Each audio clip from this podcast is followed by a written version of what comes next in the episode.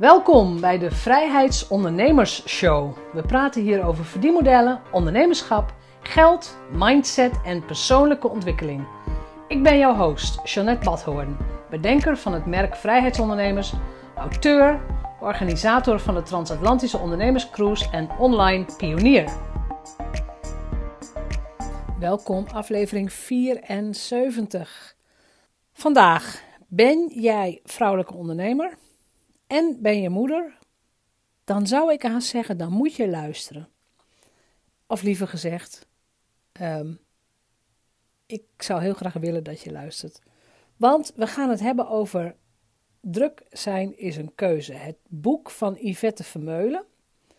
Ik praat met haar over de druk die we onszelf opleggen, de druk die de maatschappij ons oplegt en waar we wel of niet in meegaan. Ik zeg heel simpel: alles is een keuze. En druk zijn dus ook. Ik denk dat zij heel veel praktische tips deelt uit haar boek. Dus ik heb haar natuurlijk ook een beetje uitgehoord van geef ons wat praktische tips. Dingen die we meteen thuis kunnen doen. Die geeft ze. Zij deelt iets over haar eigen leven. Hoe gaat ze zelf om met de combinatie ondernemerschap en moeder zijn? Ik deel ook dingen uit uh, mijn leven, dingen die ik heb meegemaakt als moeder en als ondernemer. Nou zijn mijn kinderen tegenwoordig gelukkig een stuk groter. Wordt het makkelijker van, kan ik je vertellen. Maar ik vond het zelf een heel erg inzichtgevend interview. En ik wou dat dit boek, Het druk zijn is een keuze, ik wou dat het 20 jaar geleden bestond. En dan had ik het meteen besteld. En ik denk ook dat ik me de adviezen meteen ter harte had genomen. Dus veel plezier, veel inzichten en veel inspiratie bij dit interview. En weer bedankt voor het luisteren. Vandaag praat ik met Yvette. Yvette, welkom. Ja, dankjewel, Jeanette. En jij gebruikt twee achternamen, Vermeulen en Van Teulingen. Ja. Staan die ook allebei op je boek trouwens, beide namen? Nee, nee, nee ik, ik gebruik eigenlijk, ja, ik gebruik het eigenlijk uh, uh, gewoon door elkaar heen. Maar uh, ik was ouderwets genoeg om ook de naam van mijn man over te nemen toen wij, toen wij trouwden. Maar dat vooral omdat ik mijn eigen achternaam vooral altijd moest spellen en die niet zo vaak voorkomt. Oké, ja. Dus eigenlijk ga jij toch meer als Yvette Vermeulen door het leven? Ja. Ja. Oké, nou. We gaan het hebben over Yvette als ondernemer. Over de reis die je hebt genomen. Ook inderdaad de beslissing waarom je ondernemer bent geworden. En ik vind het heel erg leuk om dan ook het bruggetje te maken naar het boek. Dat boek, jouw boek is in 2019 al verschenen. Klopt. Wat heeft het boek voor jou gedaan? Waarom was dit boek überhaupt belangrijk voor jou en waarom moest het eruit? Uh, en waarom dit thema? Want het boek, ik vind, ik vind de titel briljant. Hè? Druk zijn is een keuze. Ik vind het echt helemaal fantastisch. Maar er zit natuurlijk voor jou veel meer achter dan alleen een titel. Dus laten we gewoon eens bij het begin beginnen. Wie ja. is Yvette? Wie is Yvette? Um, en dit wordt een hele lange podcast zo. Um, Yvette is uh, vooral uh, ondernemer en daarnaast ook uh, moeder van een heel leuk jongetje. En dat zeg ik er altijd bij, omdat ik me met mijn bedrijf nu ook volledig richt op um, ondernemers met ja, een gezin, gezinnen met jonge kinderen. Ja. Namelijk vrouwen met kinderen die ja, naast hun bedrijf nog uh, zeker tien andere doelen graag uh, willen bereiken. En nou ja, allerlei ballen in de lucht houden, maar dat lastig vinden om te doen. Ja. En dat is eigenlijk, ja, het sta, staat ook wel een klein beetje symbool voor de reis die ik zelf gemaakt heb. Ik ben, um, laat ik zo zeggen, ik heb altijd sociale geografie en planologie gestudeerd. Dus ja, ja heel simpel gezegd, adreskunde, zoals je het op de middelbare school krijgt. Ja. Heb ik altijd super leuk gevonden. Um, maar ik ben afgestudeerd in zo'n periode uh, dat het helemaal niet zo goed ging met de economie en er geen droog brood mee te verdienen viel. Ja. Uh, ja. En toen dacht ik, ja, wat moet ik nu? En toen ben ik eigenlijk uh, ja, bij toeval in de consultancy beland. En daar ben ik uh, nou ja, eigenlijk iets te lang blijven hangen. Ik ben bijna 13 jaar uh, consultant geweest uh, bij Berenschot. Dus nou ja, bij het grootste onafhankelijk adviesbureau van Nederland. Ja. Heel erg naar mijn zin gehad. Um, en toen ik moeder werd, had ik eigenlijk ineens zo'n realisatie van... Ja, vind ik dit eigenlijk nog wel leuk? Ja. wil ik dit nog wel? Ik was eigenlijk ook die, ja, ik, voor degene die uh, nog, niet, niet zoveel van het consultancyvak afweten. Als je als consultant werkt, dan werk je 40 uur, maar je bent eigenlijk uh, nou, gemiddeld zo'n 60 uur uh, in de week met je werk bezig. Ja. Lange uren maak je, je ziet heel veel van Nederland. En ja, de, ik vond dat steeds lastiger worden om te combineren met het moederschap. Um, en ja, het, het, gewoon het zijn van een gezin. En uh, toen kwam ik er eigenlijk achter dat ik al die jaren, dus zowel mijn studie als de keuze voor het consultancyvak gedaan heb. Ja, uh, later begreep ik van uh, een van mijn coaches dat het, dat het syndroom zelfs een naampje heeft. Dat heet het Good Girl Syndrome. Oh ja. Altijd netjes doen wat er van je verwacht wordt. Ja. En um, ja. Ja, maar daardoor toch dingen ontdekken waarvan je denkt van, oh ja, dat kan, kon ik eigenlijk, ken ik eigenlijk best goed en uh, dat, dat, vind ik leuk om te doen, maar het is nog steeds niet waar mijn hart ligt. En um, doordat ik ook moeder was geworden, kwam er ook een soort van oerkracht uh, uh, naar boven, dat je eigenlijk voor je kinderen alles perfect wil doen. Ik wilde voor mijn kind eigenlijk het meest mooie leven wat ik mij kon voorstellen. Um, ja, en dat, dat bleek gewoon in, in, in de praktijk niet in een loondienstbaan te kunnen. Dus toen dacht ik van oké, okay, um, hoe gaan we dat dan doen? En ik heb ja. altijd al een passie gehad voor plannen en organiseren. Dus dat was ook, ja, nou ja, ik ben niet voor niks planologie gaan studeren, zeg ik dan altijd maar. Ja. Dus ik ben eigenlijk begonnen met het organiseren van het land. En in mijn consultancybaan was dat ook een van de dingen die ik het leukste vond om te doen. Dus echt enorme projecten plannen, overzicht ja. houden. En mijn collega's um, ja, binnen de structuur van het project zien te houden. Want ja, de, over het algemeen zijn consultants uh, enorme creatieve mensen die zich echt nergens wat van aantrekken. En zeker niet van een deadline. Ja, maar dan, dan, uh, ja, dat was dan jouw taak. Die stelden die deadlines wel. Dus het was heel vaak dat ik in een team de, de rol had van uh, mensen op het rechte pad houden en ze eraan herinneren van jongens, over twee dagen moeten wij wat opleveren. Denken jullie eraan dat dat af moet? Um, en daar waren ze altijd ontzettend blij mee dat ik dat deed. En ja, het lijkt me nog heerlijk als iemand het tegen mij zegt. Dat is geweldig. Ja. Toen dacht ik, twee vragen. Ik heb twee vragen voor je. Ja. Is het moederschap sowieso niet een natuurlijke knip in een vrouwenleven? Ja, ik denk het wel. Ik ben, ja. daar, um, ja, ik, ik, ik ben daar eigenlijk pas het, het, het laatste jaar over na gaan denken dat ik erachter kwam van uh, was het nu toeval dat het precies dat omslagmoment voor mij lag op het moment dat ik moeder ben geworden? Of was het eigenlijk gewoon, nou ja, uh, uh, nou ja dat het toevallig zo samenviel? Maar ik denk echt, ja, als je, toen ik er langer over ik denk niet dat het, ja, het, nee, ik denk niet dat het toevallig is. Nee. Volgens mij zeker. En, um, want dan ga je jezelf opnieuw uitvinden. Je gaat jezelf ja. ook weer opnieuw, nieuw, ja, je hebt ook een nieuwe rol te doen. Want wat jij zei, daar moest ik over, even over nadenken. Je zei, ik wil het beste leven voor mijn kind. Ja. En toen dacht ik, je kunt toch een kind alleen maar het beste leven geven als je bij jezelf begint. Dus ik wil het beste leven voor mezelf. En hé, hey, dan heeft mijn gezin ook het beste leven. Ja, ja toen de tijd dacht ik nog van ik wil het beste leven voor mijn kind. Maar inmiddels uh, uh, ja, heb ik dat ook inderdaad volledig omgedraaid. En weet ik nu van, ik kan inderdaad ook alleen maar een hele goede moeder zijn. En een hele goede, heel mijn bedrijf, mijn bedrijf goed laten draaien. En nou ja, alle andere dingen die ik nog doe, goed doen. Als ik zelf goed in mijn vel zit. Ja. Ik en denk dat dat sowieso, pijn vind, dat is de eerste ja. les al volgens mij. Dat je ja. inderdaad, nou ja, eerst je eigen zuurstof. En dan ja. de rest. En ik weet hoe moeilijk het is, hè? want ik wil dat good girl syndrome, vind ik wel mooi de titel. Waar, waar kwam dat vandaan bij jou? Waar kwam dat voor mij vandaan? Ja, ik, ik denk dat als ik heel, heel lang, uh, dan ga ik echt al heel lang terug. Mijn, uh, ik heb één, uh, één broertje, nou ja, hè? hij is 2,5 jaar jonger dan ik, dus hij is ook al achter in de 30 inmiddels. Maar um, ja. Hij was, met name toen ik heel klein was, is hij echt heel vaak achter elkaar ziek geweest. Zij was ja. een beetje het zorgkindje. En ik denk dat ik daardoor heel erg in de rol ben gaan zitten van... oké, okay, ik moet me maar gewoon gedijst houden. En ik moet maar gewoon doen wat ze van mij vragen. En dan ja, komt het hij, hij had die aandacht al nodig. Ja, en, en dat heb ik zelf altijd geïnterpreteerd als... laat ik dan maar mijn mond houden en gewoon, ja. gewoon netjes doen wat er van mij gevraagd wordt... dan ben ik tenminste niet een extra last voor mijn ouders. En ja. niet dat daar, dat daar iets van waar was, maar dat is gewoon een soort van... Uh, eh, overtuiging die ik mezelf uh, in, in, die. Ja, ja dat is precies dat is het verhaal wat je jezelf. Ja, het verhaal ga je jezelf vertellen en dat is waar. Ja, dat is heel lang blijven hangen, ja. Wat was er gebeurd als jij die baan niet was gestopt? Uh, dan was ik nog steeds heel ongelukkig geweest, denk ik.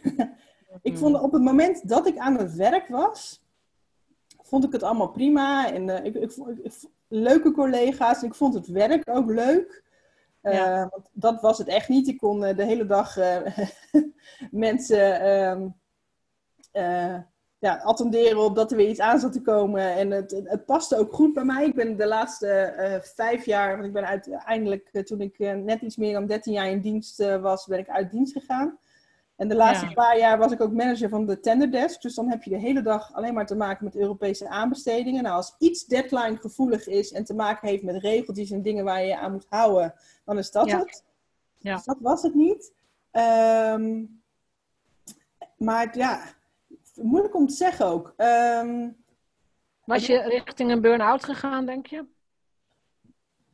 Ja, dat zou ook best wel goed kunnen. Misschien nog niet een burn-out, maar ik ben heel erg. Um, um, in de tijd dat ik erover na ben gaan denken, liepen er bij mij een aantal dingen naast elkaar. Mijn, mijn kind was net geboren.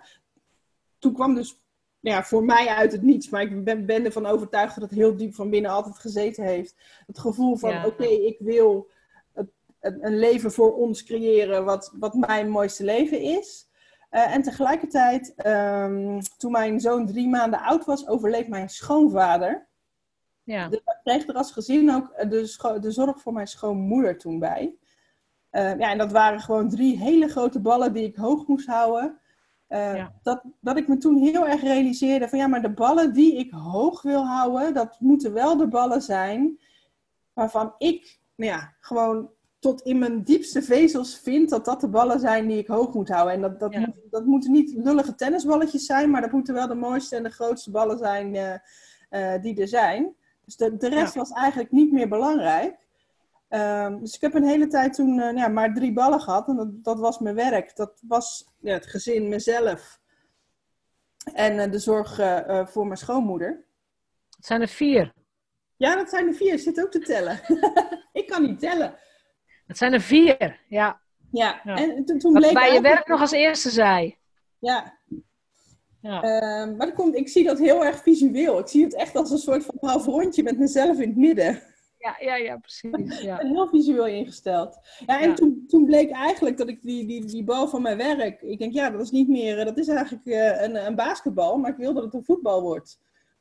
Om ja, de bal was te groot. Ja. ja. Uh, niet, ja. niet zozeer de grote, het was gewoon niet de bal waarvan ik wilde dat hij er zo, uh, zo van, ja, als ik toch uh, mijn tijd en mijn energie in wil gaan steken, dan wil ik wel iets dat het iets is nou, waar ik zelf achter kan staan. En dat was niet meer ja. in loondienst. Nee. Dus, nou ja, dan hak je inderdaad de knoop door. Ja. Wat wist jij van ondernemerschap? Helemaal niet zoveel. Maar ik wist wel heel diep...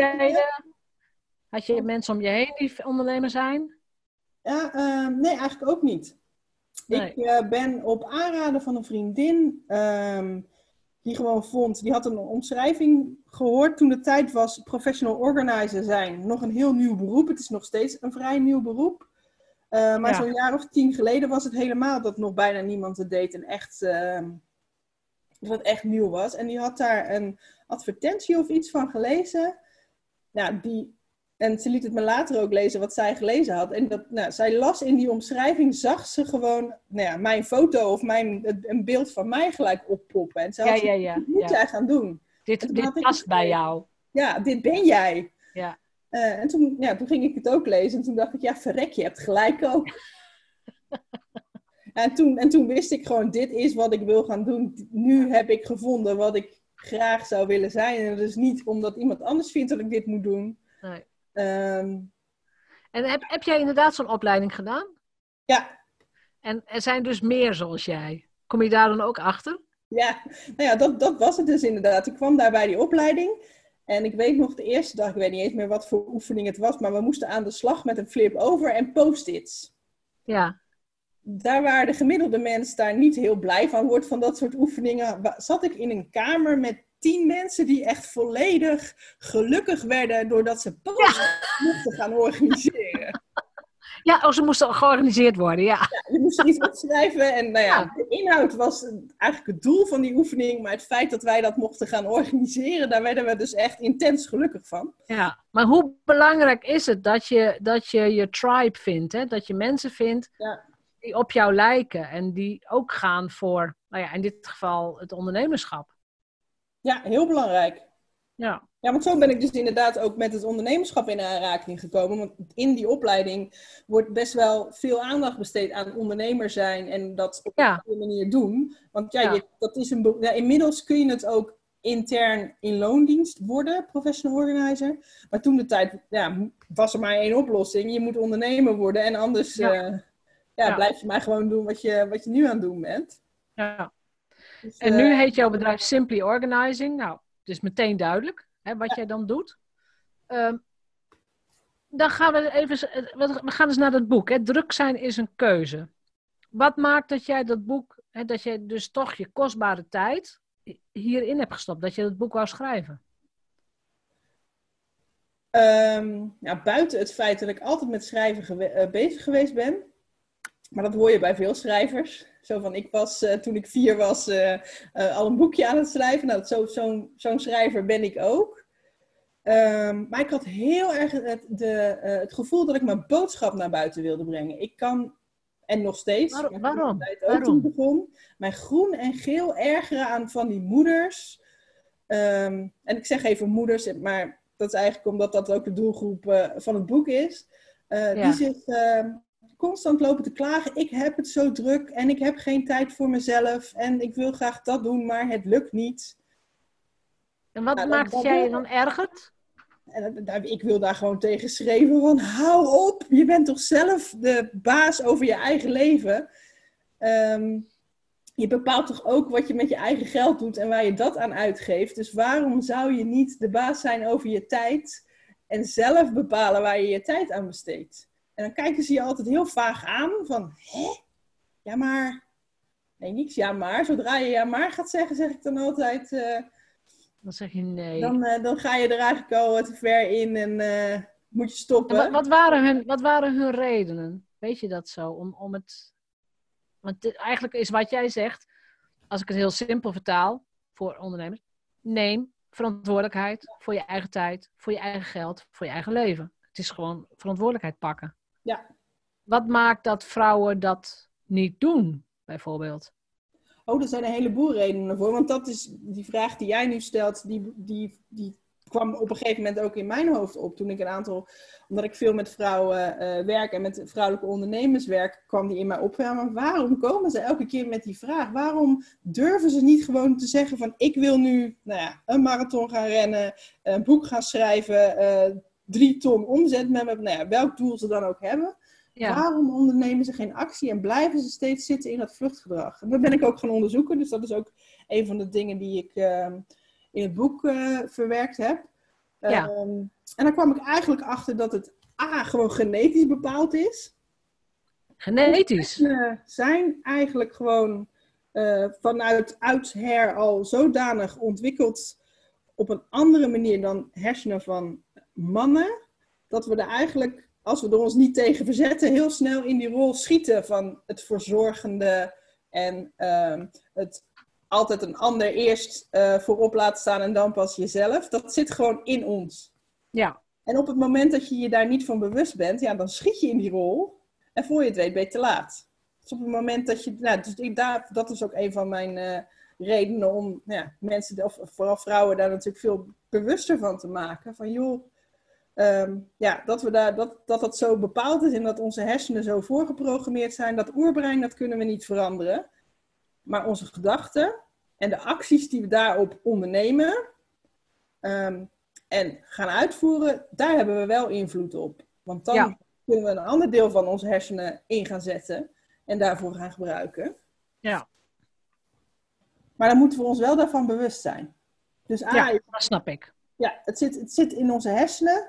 En ten tweede uh, denk ik dat er een hele grote culturele component ook in zit.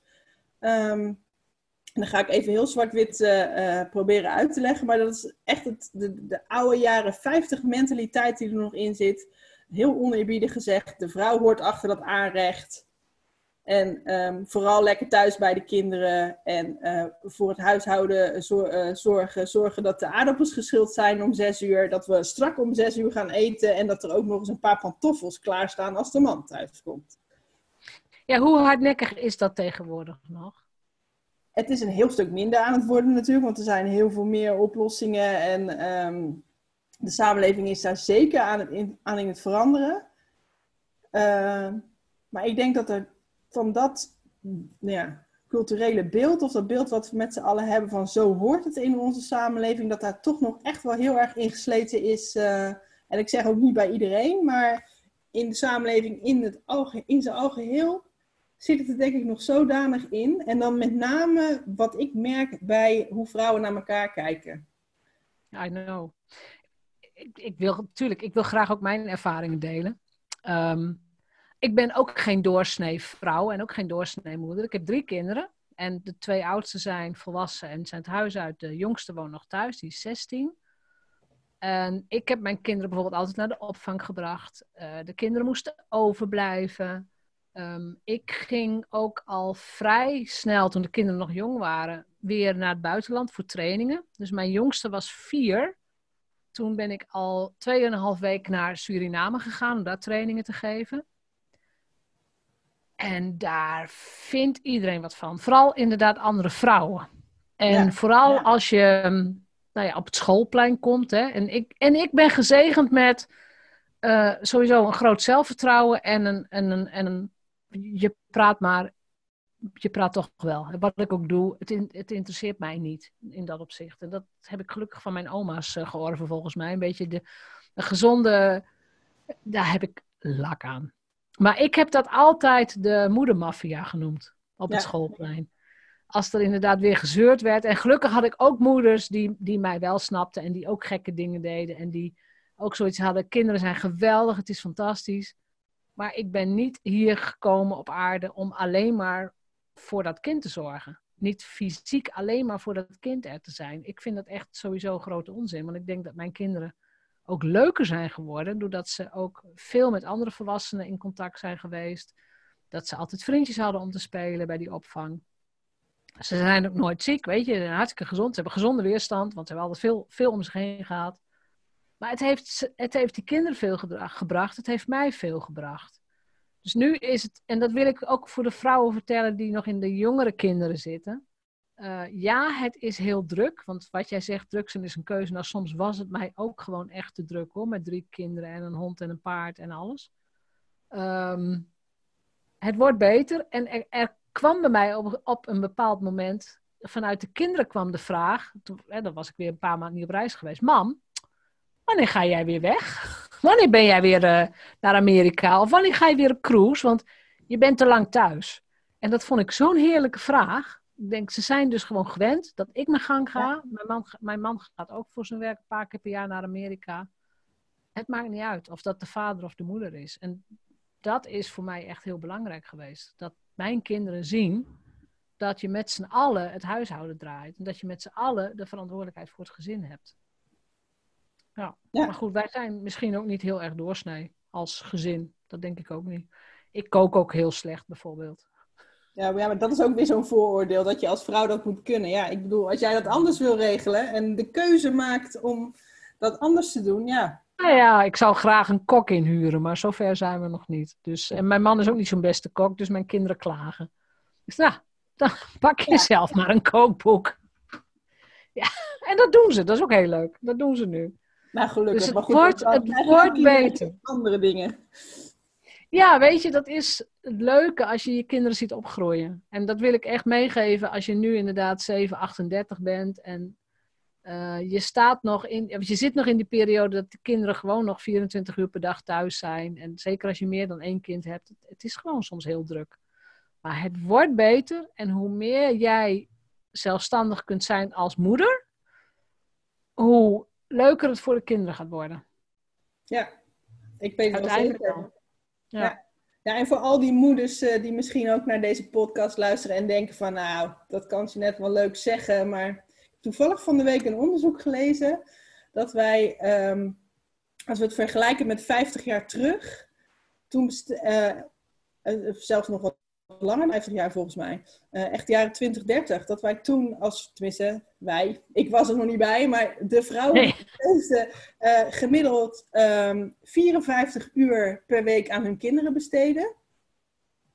Um, en dat dat nu al opgelopen is, dus eigenlijk naar bijna het dubbele. We besteden nu momenteel gemiddeld 105 uur per week aan onze kinderen. Dat is veel te veel. Dus daar waar wij nu denken van, oh we doen het allemaal niet goed en onze kinderen komen heel veel tekort. En nou ja, er komt altijd dat schuldgevoel uh, wat bij ons vrouwen volgens mij een soort van ingebakken zit ook. Uh, altijd weer de kop opsteken dat het stemmetje zegt van, oh maar ik besteed niet genoeg aandacht aan mijn kinderen. Nou, als we het uh, echt helemaal volgens de onderzoeken gaan bekijken, dan is het, dat, valt dat dus enorm mee. Het is zelfs heel veel. Nou ja, ja. En ik vind juist dat um, je moet je kinderen loslaten. Ik, ik heb ook wel eens met moeders gesproken die, die durfden hun kinderen niet uit logeren te laten gaan. En dan was zo'n kind al vier, vijf jaar en dan zei ze heel trots: Ik ben nog nooit, hè, mijn kind is nog nooit een nacht zonder mij geweest. Ik denk, ja, maar dat is voor de kind helemaal niet leuk.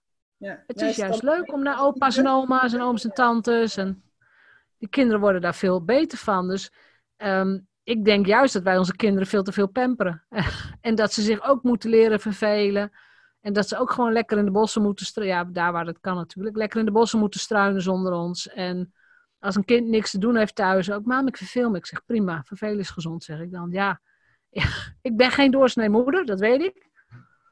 Maar uiteindelijk heb ik ook nog te veel voor mijn kinderen gedaan. Dus mijn oudste zei laatst, mam, jullie hebben altijd wel heel veel voor ons gedaan. Ik zeg, ja, en? Wat, is, ja, wat wil je hiermee zeggen? Nou ja, dat ik niet ben gewend om het zelf te doen. Ik zeg, nou, dan moet je het nu maar gaan doen. Ja, pak het over, zou ik zeggen. Hij is 22, hè, dus uh, dat kan ook wel eens een keer. Nou, op zich een mooi compliment. Ja, op zich wel, maar hij bedoelde het als dat we, we hadden hem meer in zijn sop moeten laten gaan koken. Zoiets had hij. Dus je krijgt ook een spiegel weer terug van je kinderen. Ja, maar vaak is, het, en vaak is het ook de angst, hè? Gewoon de angst die je zelf hebt om je kind los te laten. Dat kind vindt het 9 van de 10 keer gewoon prima als je ze nou ja, in het bos laat lopen of uh, uh, lekker laat logeren. lekker laat logeren, precies. Ja hoor. Ja, klopt. Dat ben ik helemaal met je eens. Dus ik vind het wel als ik kijk naar de generatie van mijn oma bijvoorbeeld, uh, die had helemaal geen tijd om met die kinderen bezig te zijn. Weet je, die had, weet ik veel, zeven, acht kinderen. En uh, er moest van alles gebeuren. Dus, en die hielp ook nog mee in de zaak. Dus die kinderen moesten zichzelf gewoon vermaken. Ja. En ik wil niet zeggen, weet je, het een is niet beter dan het andere. Het, het is gewoon, het, is gewoon de, het tijdsbeeld ook. En, maar wij moeten zoveel van onszelf. En wij moeten een baan en we moeten dit en we moeten presteren. Nou, maar eh, zoom eens in op jouw boek. Wat zijn daarin tips, adviezen die we meteen zouden kunnen gebruiken? Uh, nou, de eerste tip die ik, die, die, waar ook het boek mee begint, is gewoon jezelf heel goed kennen. Op het moment wat, als je, dat jij weet van, oké, dit is wat ik heel graag wil, dit is wat ik, waar ik naartoe wil, ja. en dit zijn mijn prioriteiten. Um, dus ik wil uh, uh, naast mijn baan wil je baan of bedrijf, wil ik, nou, vind ik mijn gezin belangrijk. Ik wil um, persoonlijk wil ik ook nog een aantal dingen bereiken. Dus voor jezelf heel erg helder te hebben wat die dingen dan zijn. Ja. Want op het moment, nou ja, je, je zei het net al, uh, op het moment dat je uh, voor jezelf dat gewoon heel goed weet. Ja, ik vergelijk het altijd maar met een, uh, een navigatiesysteem. Je kunt het meest mooie, dure navigatiesysteem kopen. Maar als jij niet intypt waar je naartoe wil, ja, dan heb je er dus echt helemaal niks aan. Dan nee. kom je nooit waar je wezen wil. En, ik weet wel dat heel veel vrouwen dit heel moeilijk vinden. Ja. Wat wil ik nou echt? Heb je daar ook een soort, heb je daar ook een methodiek voor in het boek? Of, of is daar iets voor? De methode die ik daarvoor gebruik, die um, als vrouwen horen wat ze dan moeten doen, kijken ze me altijd eerst uh, eh, 30 seconden heel wazig aan. Van is het zo simpel? En dan zeg ik ja. Ah, het nou, is zo simpel. Kom maar, kom maar door. ga zitten, pak pen en papier, een kladblok, maakt niet uit. Mooi boekje, wat je zelf wil. Ga zitten en ga gewoon opschrijven wat je leuk vindt om te doen. En in eerste instantie komt daar gewoon uit uh, wandelen, lezen, uh, tennissen, thee drinken, naar de bioscoop gaan, dat soort dingen.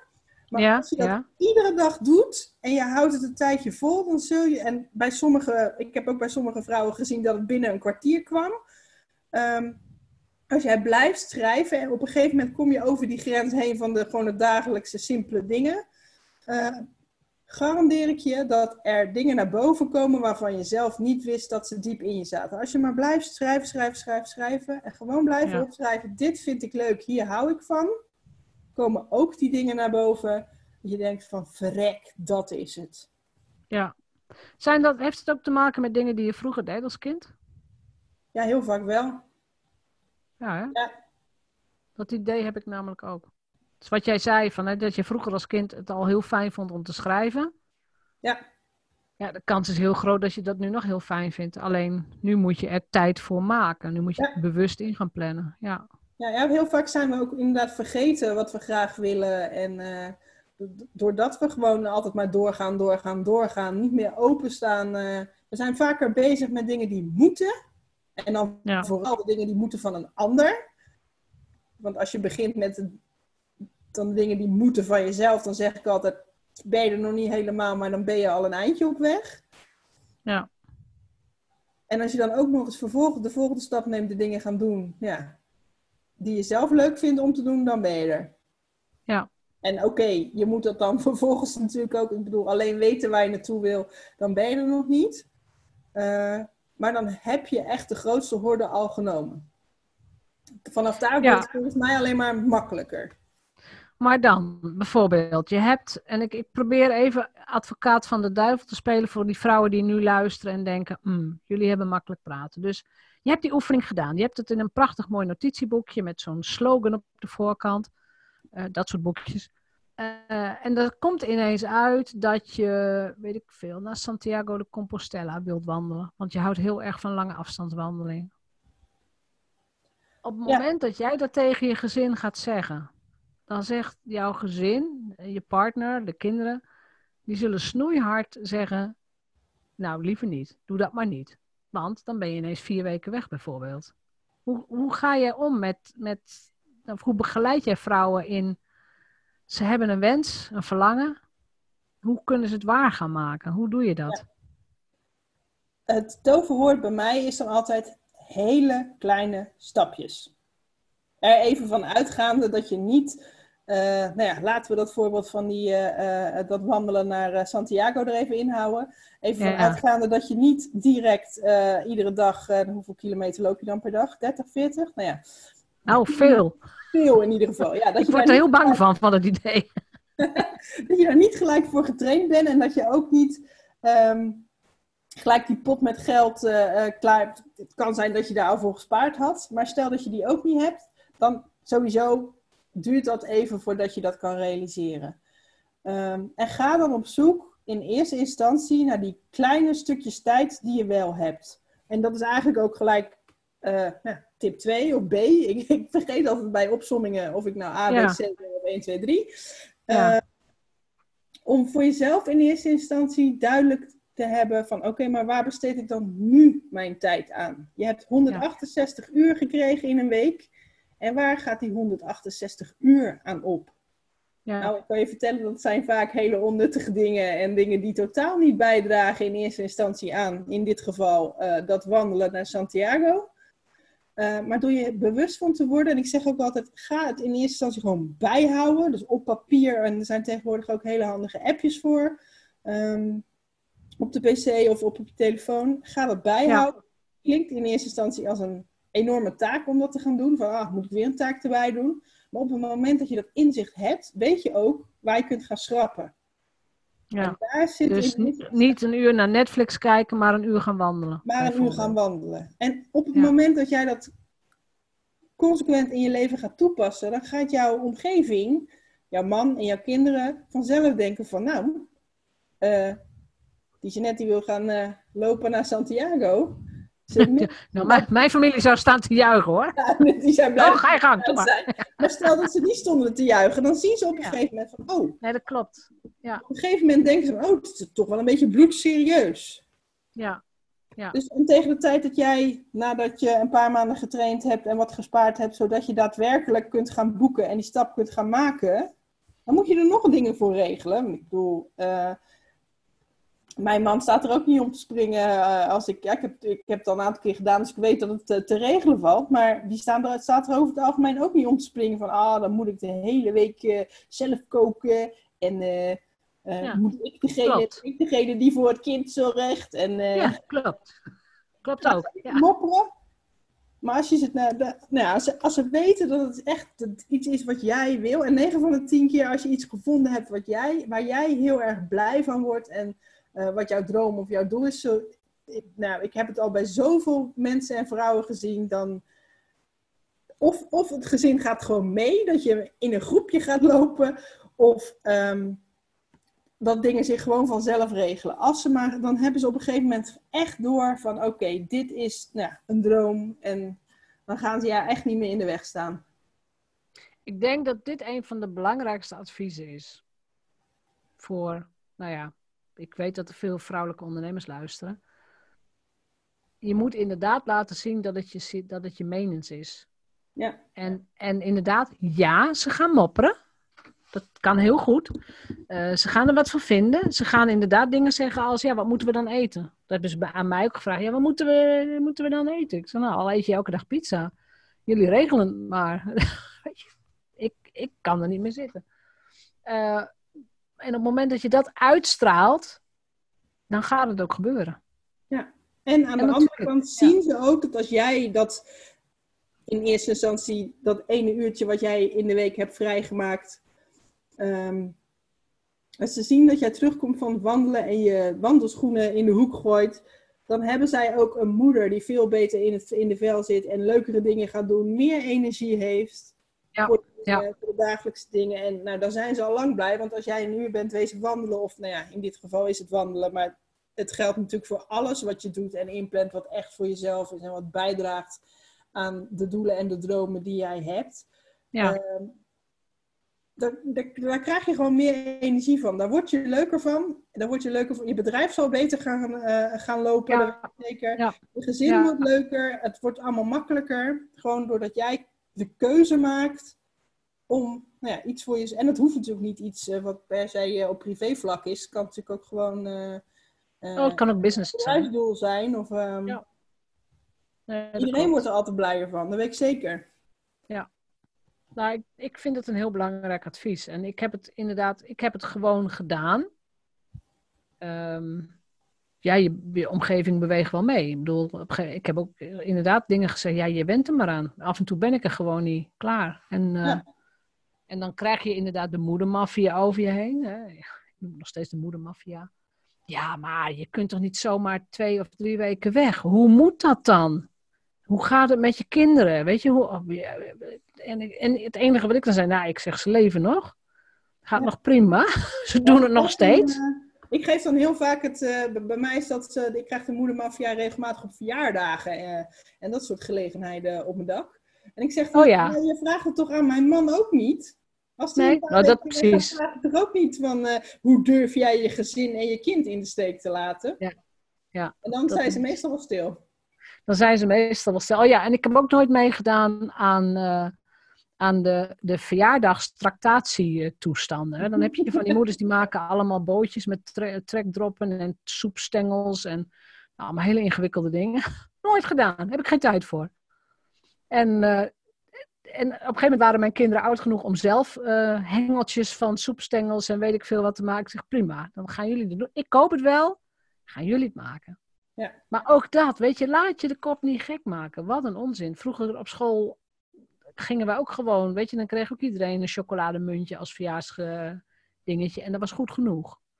Dus laat je de kop daar ook gewoon niet in Heel mooi voorbeeld van waar gedeeltelijk de titel van mijn boek ook op slaat. Dat druk zijn is een keuze. Gewoon doen wat bij jou past en niet wat anderen van je denken. Ehm, ik geloof dat ik in het boek het voorbeeld aanhaal van uh, leesmoeder of luizenmoeder zijn. Of meegaan op Nooit gedaan. Ja, nooit gedaan. dat, dat meegaan op schoolreisje is, ik weet niet of dat op andere scholen ook zo is, maar bij mijn kind op school is dat echt als je, oh, dat is echt de, de hoogste functie die je als ouder kan hebben. En als je daar niet mee meegaat, nou, dan stel je eigenlijk in de hiërarchie ehm, van de, de hiërarchie van de moeders. Stel je niet zoveel voor. ik ben altijd blij als andere moeders zeggen van ik ga mee op schoolreizen. Want ik word, ik, ik word al eng bij het idee dat ik een hele dag met zo'n groepje van vijf, zes van die etters in een pretpark moet gaan rondlopen. Alsjeblieft, nee.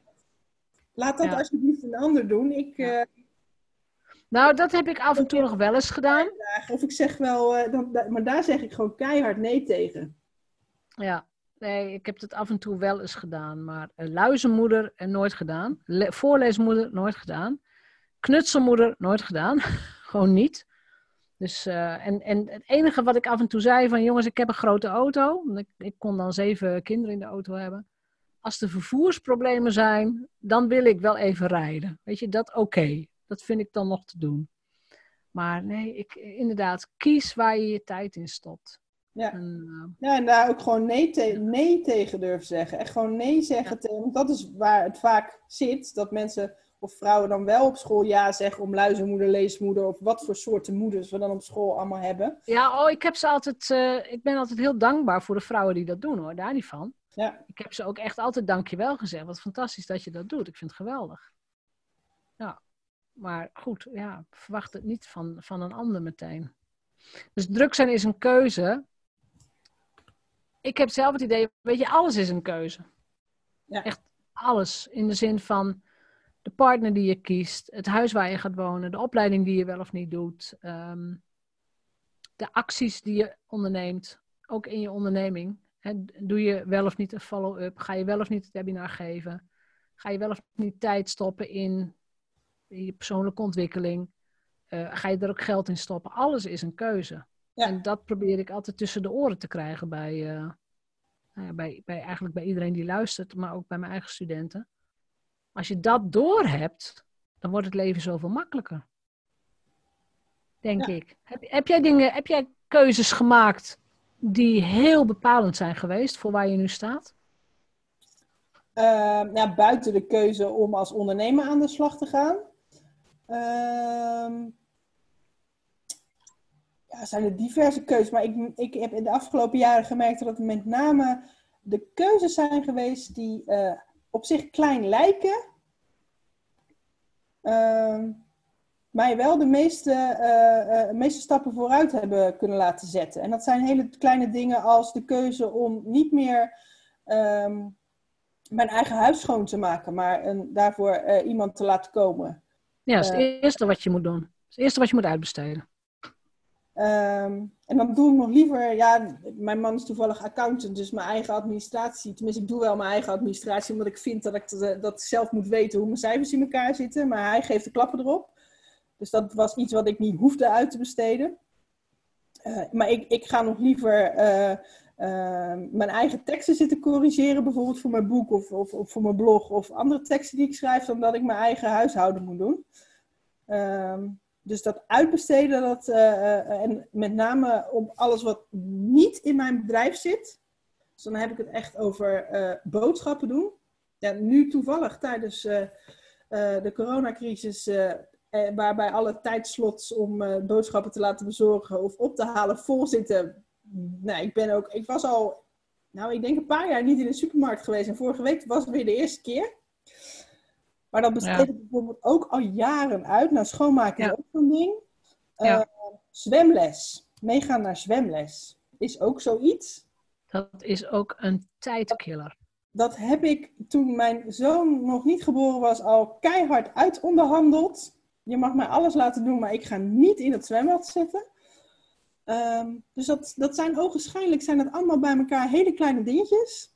Maar door, als je ze allemaal bij elkaar optelt en nou ja, kijkt hoeveel tijd ik daarmee bezig was in een week, of überhaupt over na moest denken, ja. um, heeft het me zoveel tijd opgeleverd dat ik daardoor dus in mijn bedrijf uh, wel aandacht kon besteden aan nou, de processen en de dingen uh, die belangrijk waren en die mij nou ja, omzet en klanten opleverden. Ja. Ehm, ja, dat dat eigenlijk nog wel de meest essentiële keuzes zijn geweest die ik... en natuurlijk, binnen mijn bedrijf ehm, besteed ik ook dingen uit en doe ik ook zeker niet alles zelf. Nee, dat is ook heel verstandig. Ja, dus ja. ja het, het, zijn hele kleine dingetjes die, die uiteindelijk die gezorgd hebben voor die grote klappen. En ook nou, ik denk, dat is ook een belangrijk inzicht, ja. Het gaat dus niet om de, om de, het dus niet om de grootste dingen. Ja. ja. Kun je je nog herinneren, je hebt op een gegeven moment het boek geschreven. Je hebt de beslissing genomen, dit wordt een boek. En het is fysiek in jouw handen gekomen. Kun je je nog herinneren het moment waarop je het besloot en waarop je het in handen had en het proces? Uh, ja, dat was, dat was best nog een kort... Tenminste, ik, ik vond het zelf wel meevallen. Ik heb me uh, door degene die mij daarin begeleid heeft laten vertellen dat ik daar best uh, een gestructureerd en snel proces van gemaakt had. Ja. het was iets wat al langer in mijn hoofd zat. Het idee was er, maar ik wist niet zo goed hoe ik het moest uitvoeren. En toen kwam eigenlijk ja, spontaan, volgens mij was het gewoon door een Facebook-advertentie die ik zag of zo, um, kwam deze gordijn van Expertboek op mijn pad. Ja. En toen had ik zo'n ah, zo van een engeltjesmoment, zo'n uh, van zo'n ah, zo'n engelenkoor uh, wat, wat zong. Dus ik dacht, oh, dit is het. Dus ik heb haar opgebeld. En ik weet nog, het was volgens mij eind november, begin december van 2018. Ja. Um, en zij zei van, nou prima, ik wil je daar best bij helpen. Dus ik, ben, uh, ik heb bij haar hulp gezocht. Want ja, zonder hulp had ik het ook echt niet kunnen doen. Ja, vind ik ook een goed advies. Ja. Um, nou, we zijn gaan zitten. En uh, we hebben in een middagje tijd een plan gemaakt van... Oké, wanneer wil je dat het um, klaar is? Nou ja, al vrij snel kwam ik met, uh, met 1 juli van het jaar daarna, van 2019. Heel simpel, omdat 1 juli mijn trouwdatum is. Ik heb iets met bijzondere data, dus ik dacht, nou, waarom niet 1 juli? Uh, en dat bleek op een hele gekke dag te vallen. En ook nog eens in de eerste week van de vakantie. Dat we dachten, nou, hè, marketingtechnisch toch niet heel handig. Nee. Um, ja, dus vandaar dat het dus iets naar voren opschoven. Het is uiteindelijk 21 juni geworden. Nou, ook weer omdat 21 een belangrijke um, betekenis voor mij had. Ik denk, nou, doen we dat. Was ook nog op vrijdag, lekker praktisch, want zo ben ik dan ook wel weer. Uh, ja, en dan ga je, dan toen heb ik dat eigenlijk gewoon aangepakt zoals ik ook, ja, waar het boek ook over gaat en hoe ik mijn uh, klanten ook adviseer van ga, oké, het boek was, het doel was dat boek. Hoeveel tijd heb je? En knip dat op in kleine stukjes. Want ja, precies. Wel goed behoorlijk van, uh, van de opmerking die er toen kwam. Van nou, je moet even rekening houden dat het uh, nou, op het moment dat het klaar is, nog wel twee, drie maanden duurt voordat je het in je handen hebt. Klopt. Toen had ik even zoiets van oké, slik. Ja, redactie en drukken en ja. ja. Dus toen ik dat eraf had gehaald, toen, ja, dan blijft er gewoon, er blijven gewoon een aantal weken over. En toen heb ik gewoon voor mezelf gezegd van oké, prima, dan weet ik wat ik moet doen. En volgens mij kwam het er zelfs bijna op neer dat dat neerkwam op één hoofdstuk per week. Nou, prima, gaan we doen. Ja. Ik had gewoon voor mijn ogen, ik wil dat boek schrijven, ik weet waar het over moet gaan.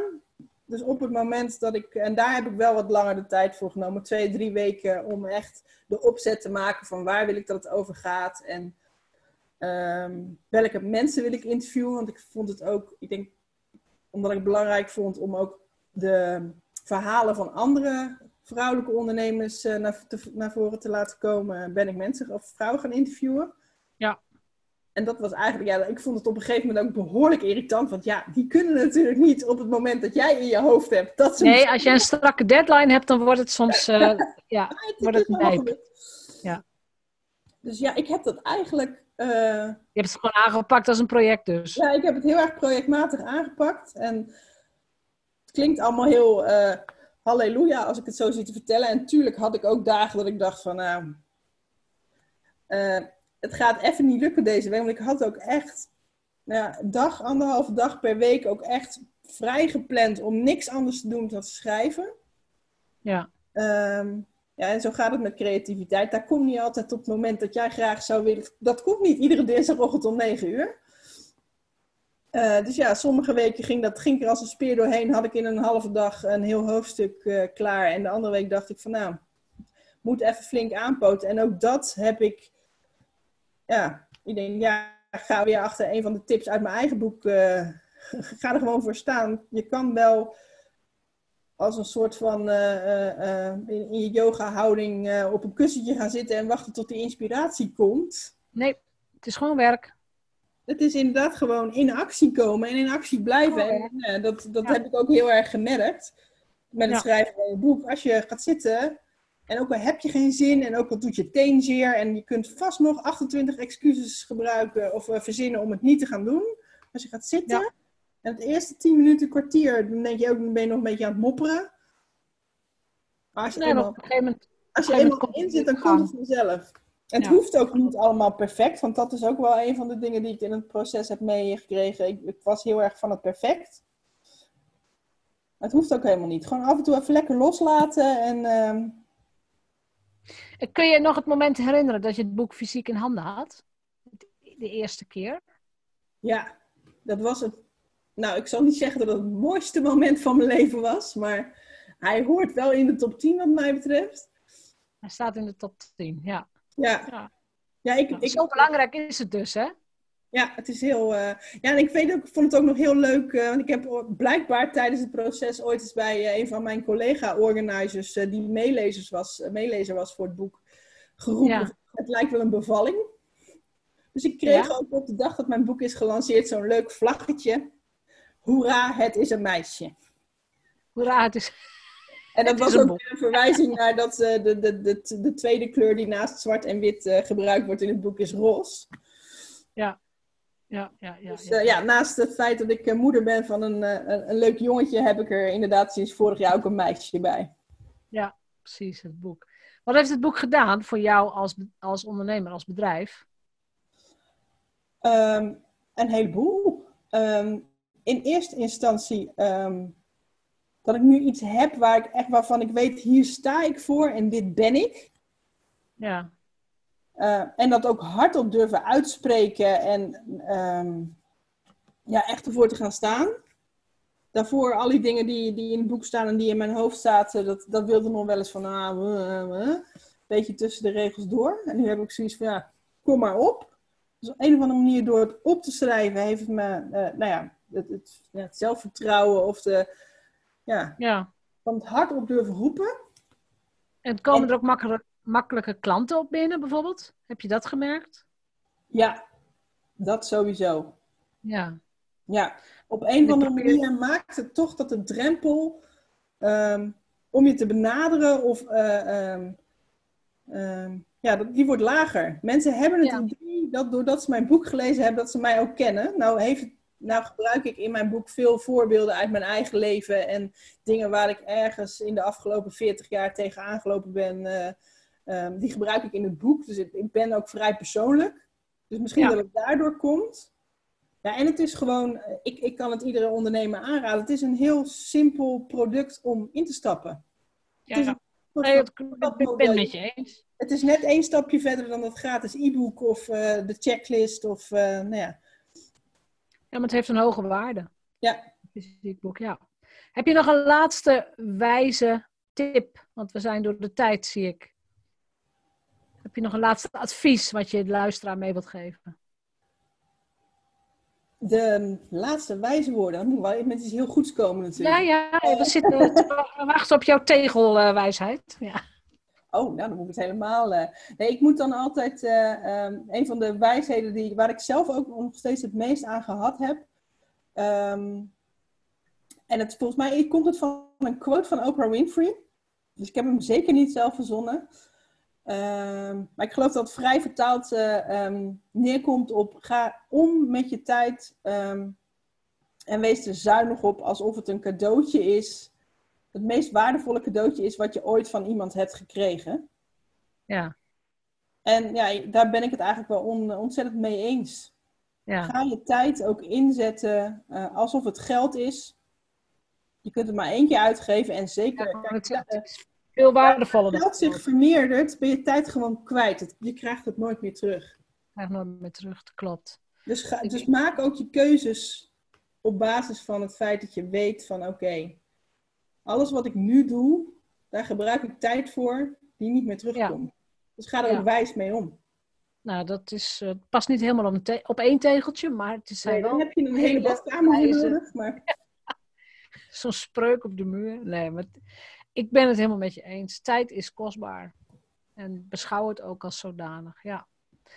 Dankjewel voor dit gesprek en voor de lessen en voor je auteursreis. Want het is voor iedereen anders en toch zijn er heel veel overeenkomsten. Heel mooi om te horen. Ja, ja graag gedaan. Dankjewel. Leuk, dus uh, dankjewel voor deze, uh, ja, deze mogelijkheid. Ja, nou, graag gedaan. Helemaal fijn. Bedankt voor het luisteren naar de Vrijheidsondernemers Show. Geef de show een review op iTunes. Als vrijheidsondernemer werk je waar, wanneer en met wie jij wilt. Dat gun ik jou ook. Ik weet dat het kan. En bij de juiste keuzes is vrijheid ook voor jou mogelijk. Op jouw vrijheid!